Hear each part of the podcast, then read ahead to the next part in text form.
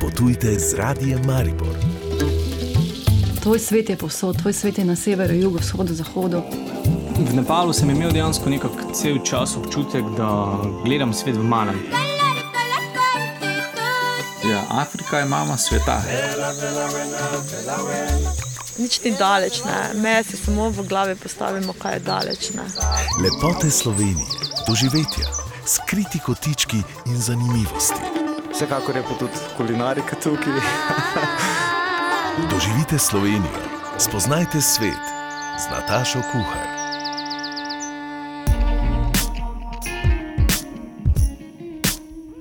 Pozdravljeni ob poslušanju oddaje, v kateri v spredje postavljamo turistične vsebine.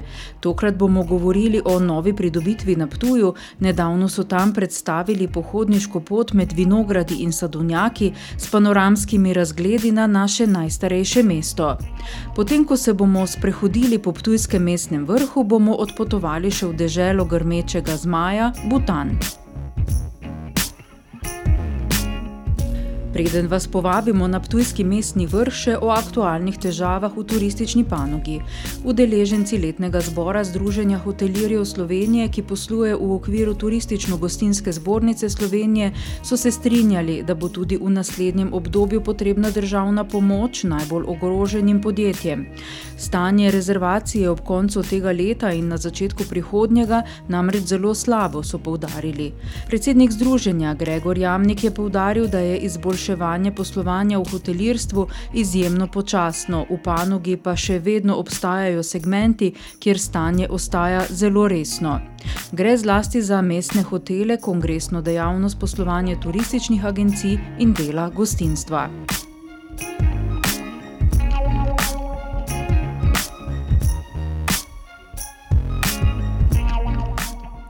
In zdaj naptuj. Na dodatna aktivna doživetja torej vabi nova pohodniška pot na mestni vrh. Vodi med vinogradi in sadovnjaki in ponuja izjemen razgled na najstarejše slovensko mesto. Hkrati je ob poti več postankov za razvajanje z lokalnimi vini in dobrotami. Vodja projekta Monika Klinc. Torej, predvsem ta bližina mesta Ptuj, ta prelepi vinorodni okoliš, eh, pa predvsem eh, dosti ponudnikov na tem področju. Namreč vsi ti ponudniki, ki so vključeni v, v ta naš zemljevid, v to naš pot, na našo pot, z nami delajo že vrsto let, večina vsi na Martinovanju, nekateri tudi v Ptujski pravljici.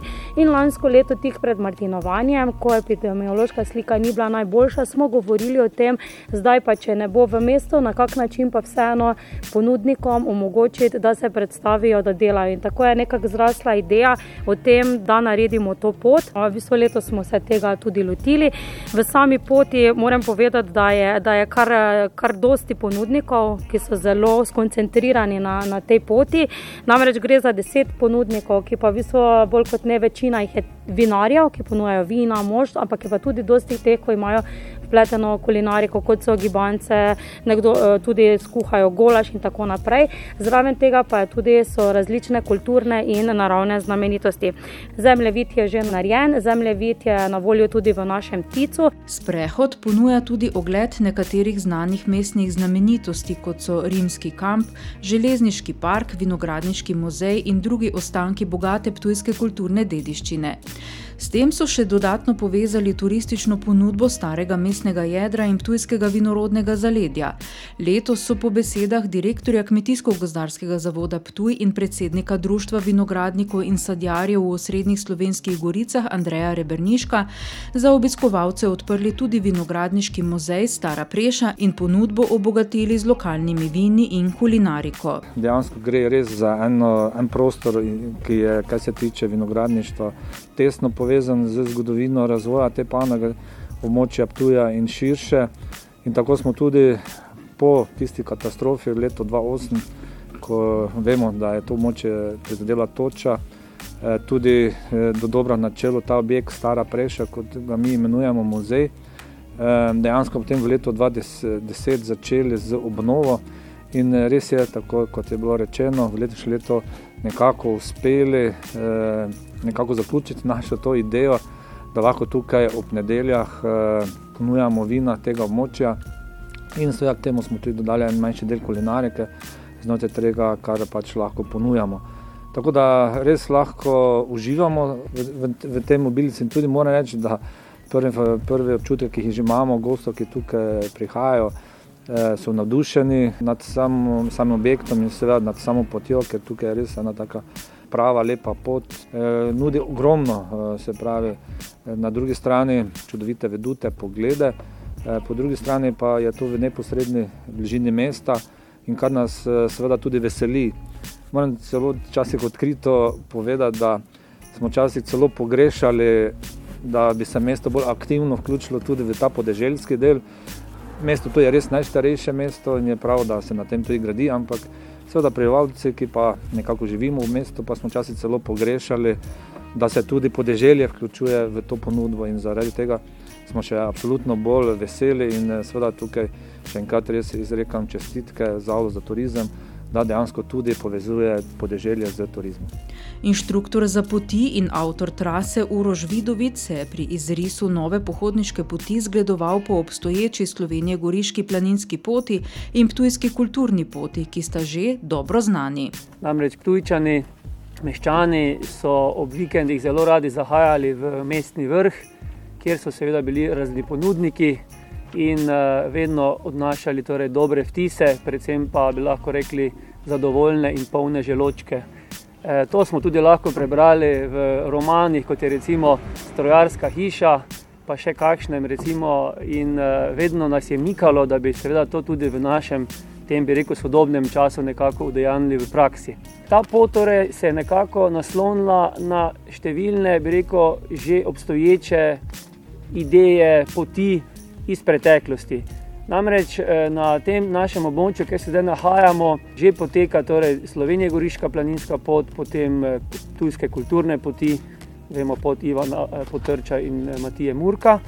In nekako v želji, da seveda se povežejo ponudniki, smo strasirali oziroma oblikovali to pot na mestni vrh. Zdaj, če na kratko rišem pot, torej izhodišč je šest, od tega je pet izhodišč v mesto Ptuj, plus seveda terme. Eh, in pa na pobudo domačino, kar zelo pozdravljam, smo vključili še izhodišče Grajena.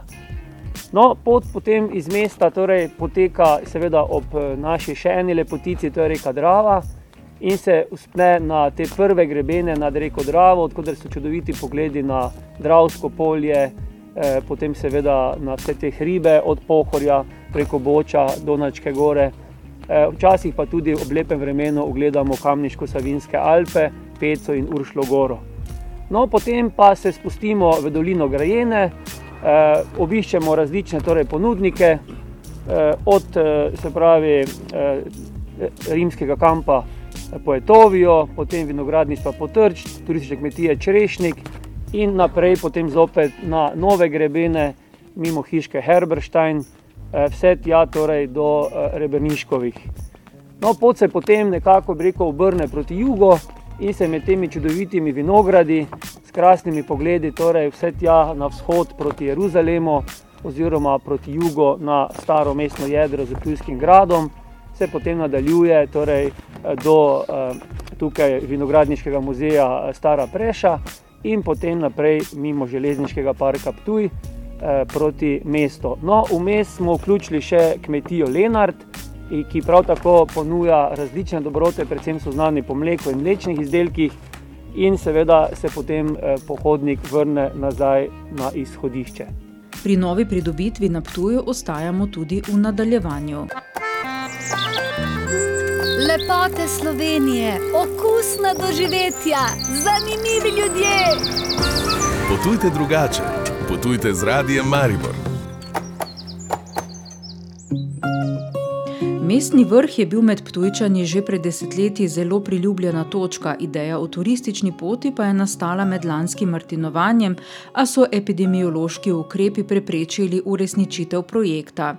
Zaradi turistične privlačnosti vinorodne kulise Ptuja so se pri tamkajšnjem zavodu za turizem odločili razviti pohodniško pot, povezati turistične ponudnike in jih tako spodbuditi, da postanejo dostopnejši tudi za individualne obiskovalce. Katja Ertl iz Zavoda za turizem Ptuj. Ja, res je. To je pravzaprav en, bomo rekli, način, kako spodbuditi ponudnike, da bodo čim večkrat odprti.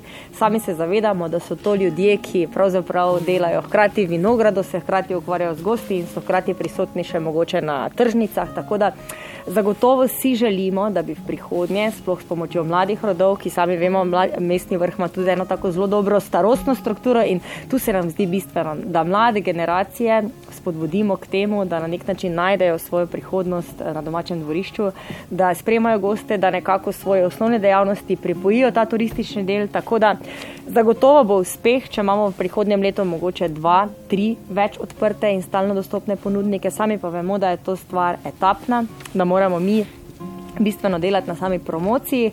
Hkrati pa se zavedamo, da tudi brez pomoči domačinov, če uporabimo besedo pomoč, ne bo šlo. Tako da zelo pomembno je, da lokalci začnejo ponovno živeti z mestnim vrhom, tako da to nam bo nekako cilj, da nedelje, lepe nedelje, lepe sobote spodbudimo, da ljudje pridejo na mestni vrh, turisti so pa potem še tista pika na i, ki si bomo tudi mi prizadevali, da bo jih tukaj vedno več. Zagotovo moramo še nekako tudi razmišljati o olajšani logistiki.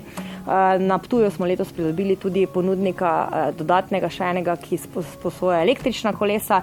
Tako da ta mobilnost zagotovo je tista, ki lahko uh, marsikaj spremeni na bolje in še bolj uh, naredi lokacijo dostopno. Tako da uh, mislim, da je tukaj še eno tako polje sodelovanja, ki ga bomo v prihodnih letih še lahko krepili z različnimi projekti. Ne.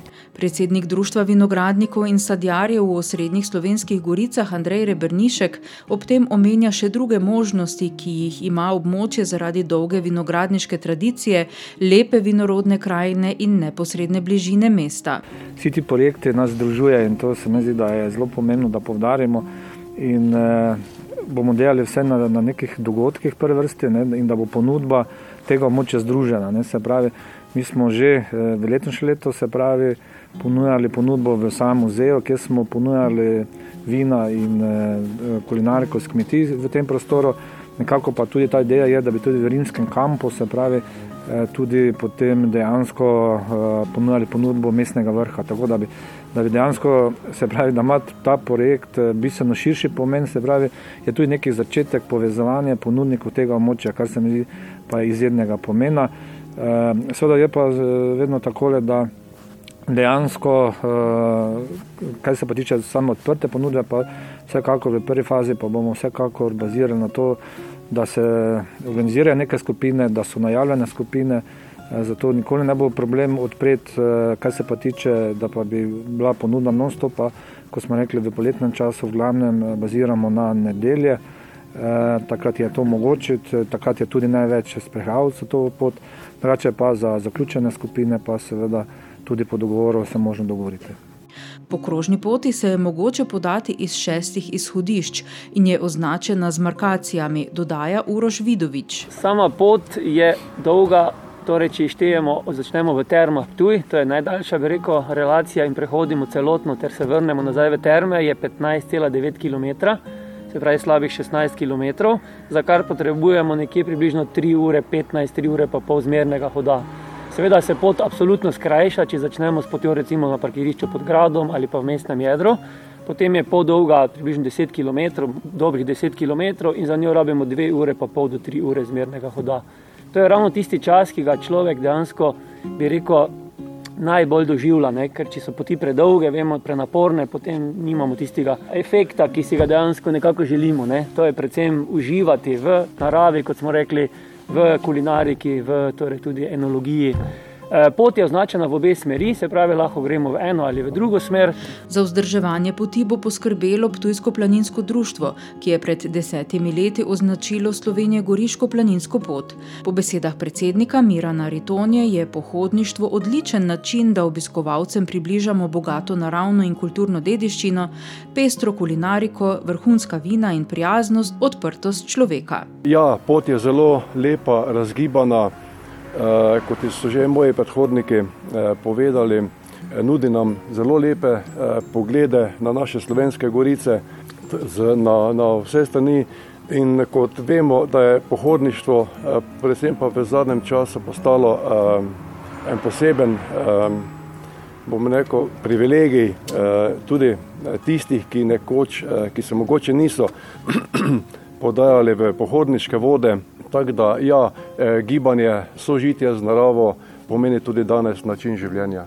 Po kratkem predahu pa odpotujemo še v Butan. Potujte z radijem Maribor. Tvoj svet je povsod, tvoj svet je na severu, jugu, vzhodu, zahodu.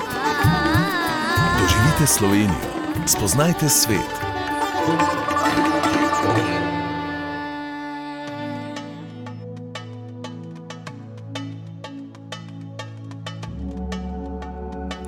Popotnikom Zoranom Furmanom potujemo po Butanu. Že prejšnjo soboto smo o tej kraljevini slišali precej zanimivosti.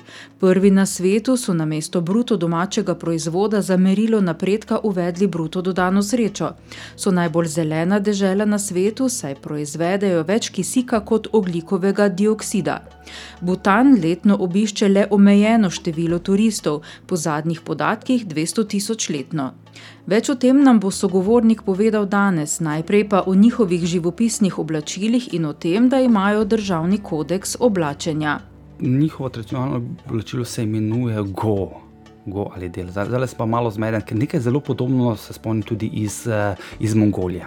In, in pomembnost pri tem oblačenju je to, da obvezno je v šoli, v službi in če greš recimo po kakšnih uradnih opravkih, moraš vedno imeti to oblačilo pod kolenami pod koleni dol, medtem ko za čas, recimo, ko si doma, lahko to nosiš nad kolenom. In to predstavljate si, to je recimo res en ogromni plašč, ki ga dobesedno zaviješ okrog, potem je tudi en pas, posebni način eh, vezanja tega pasu. Eh, namreč, ko sem bil tam, sem si celo v glavnem mestu kupil to oblačilo, sicer je bilo Made in China, po domače povedano z neki za 20 do evrov, če imam um, v spominu. In se spomnim, ko sem potem hodil naokrog, kako te domačini posebno drugače gledajo in potem obvezno so tudi kolenke, oziroma zokne nogavice, potem še imaš tole na rokavi, še imajo takšni neki beli trak, potem tudi domačini, ko grejo v kakšni uradni del, kot je recimo no, ta zonka, to so ti tradicionalni, kako bi ti rekel, deli, ki se delijo na verski del, pa na uradni del, del kot bi rekel crkev,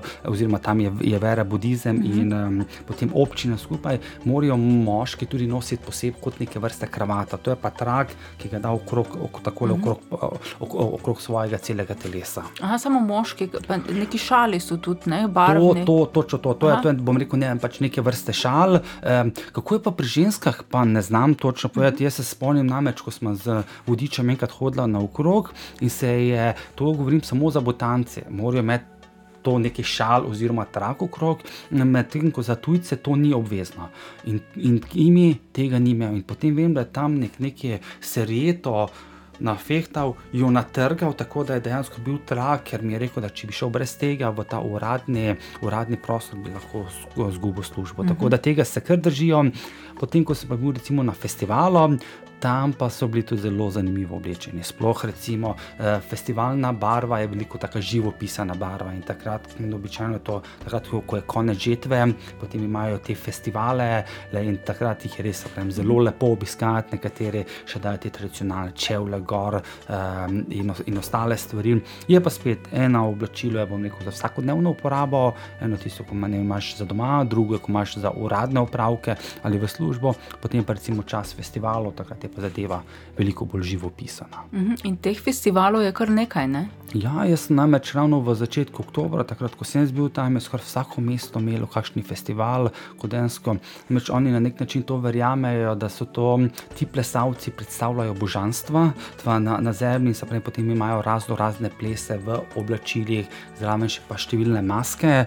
Edino ta stvar me je mogoče malo razočarala, če bi mi lahko malo več povedali, konkretno tudi moj voditelj Vodič ni, ni konkretno veliko vedel o teh plesih, kakšni pomeni imajo, kakšni nameni imajo. Ker recimo, ko veš recimo ime plesa, pač Google malo vprašaš, pa lahko kar hitro dobiš kakšne informacije. Vse ampak je bilo kljub temu izliv iz strani fotografije, namreč jaz sem ljubitelj fotografije, sem neizmerno užival, ko opazuješ te plesalce se z temi maskami in temi plašči, ko potem se zavrtijo in kot neka ženska krila se dvignejo. Je res zelo lepo.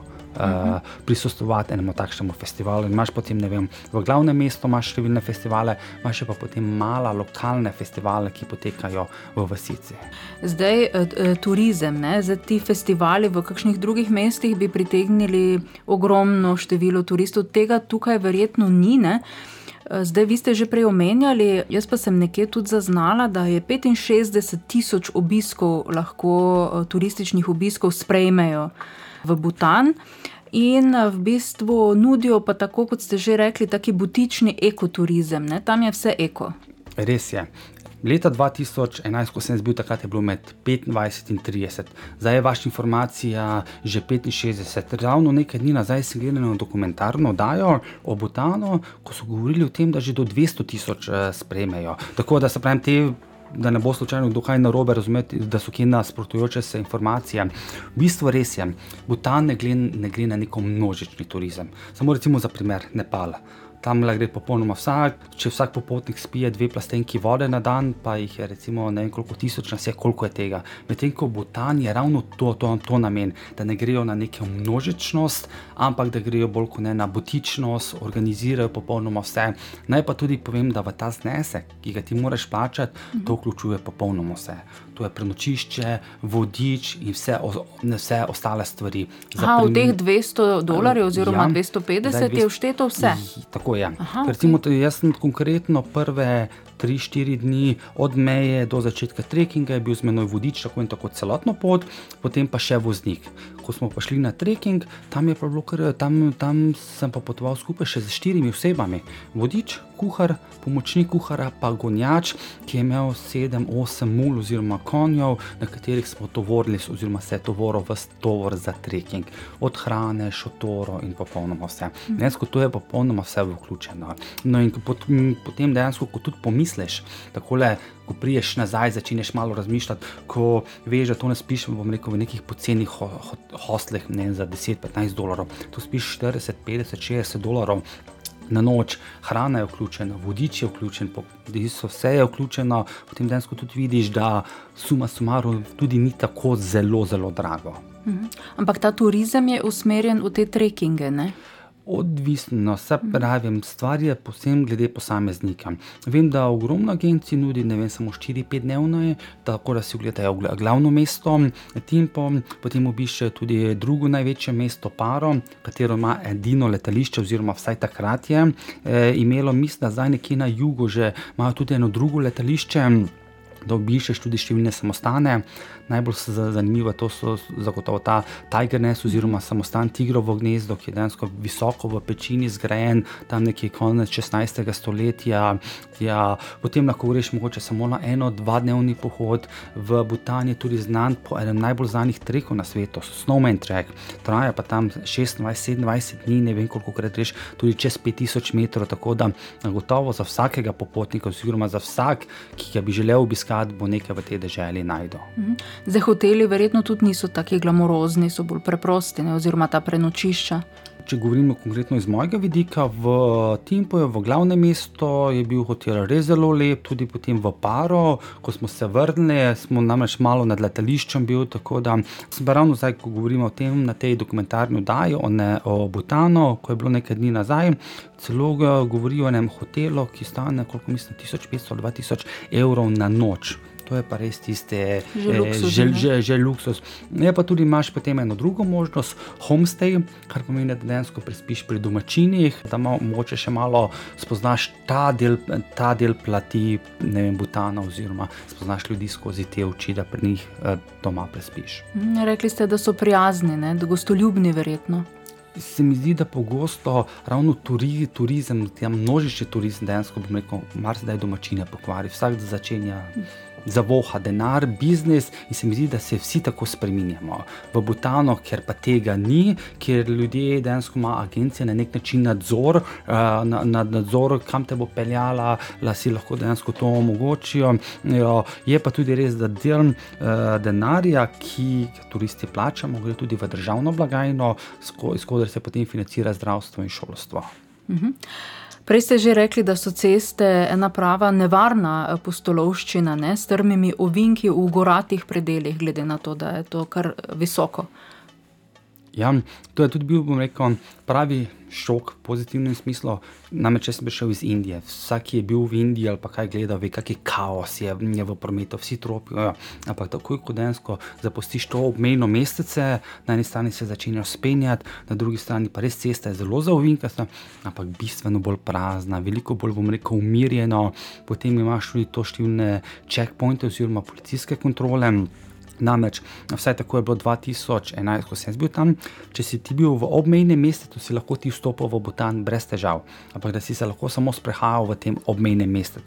Če si pa še želel iti v notranjost, takrat si pa že imel potem si mogel iti dejansko preko agencije in na ta način, bom rekel, tudi nadzirajo, da ne bi se kdo po domače povedano prešvercal. Namreč, jaz sem celotno zadevo že skoraj tri mesece pred začetkom potovanja plačal in seveda si malo v skrbeh, ker tole ni, bom rekel, nekaj deset dolarjev, ampak gre za nekaj tisoč dolarjev, ampak kapo dol, tako kot je bilo, tako kot je bilo dogovorjeno, tako se je potem zadeva tudi odvijala. No, in vi ste se udeležili tega trekkinga, če še malo kaj o tem poveva?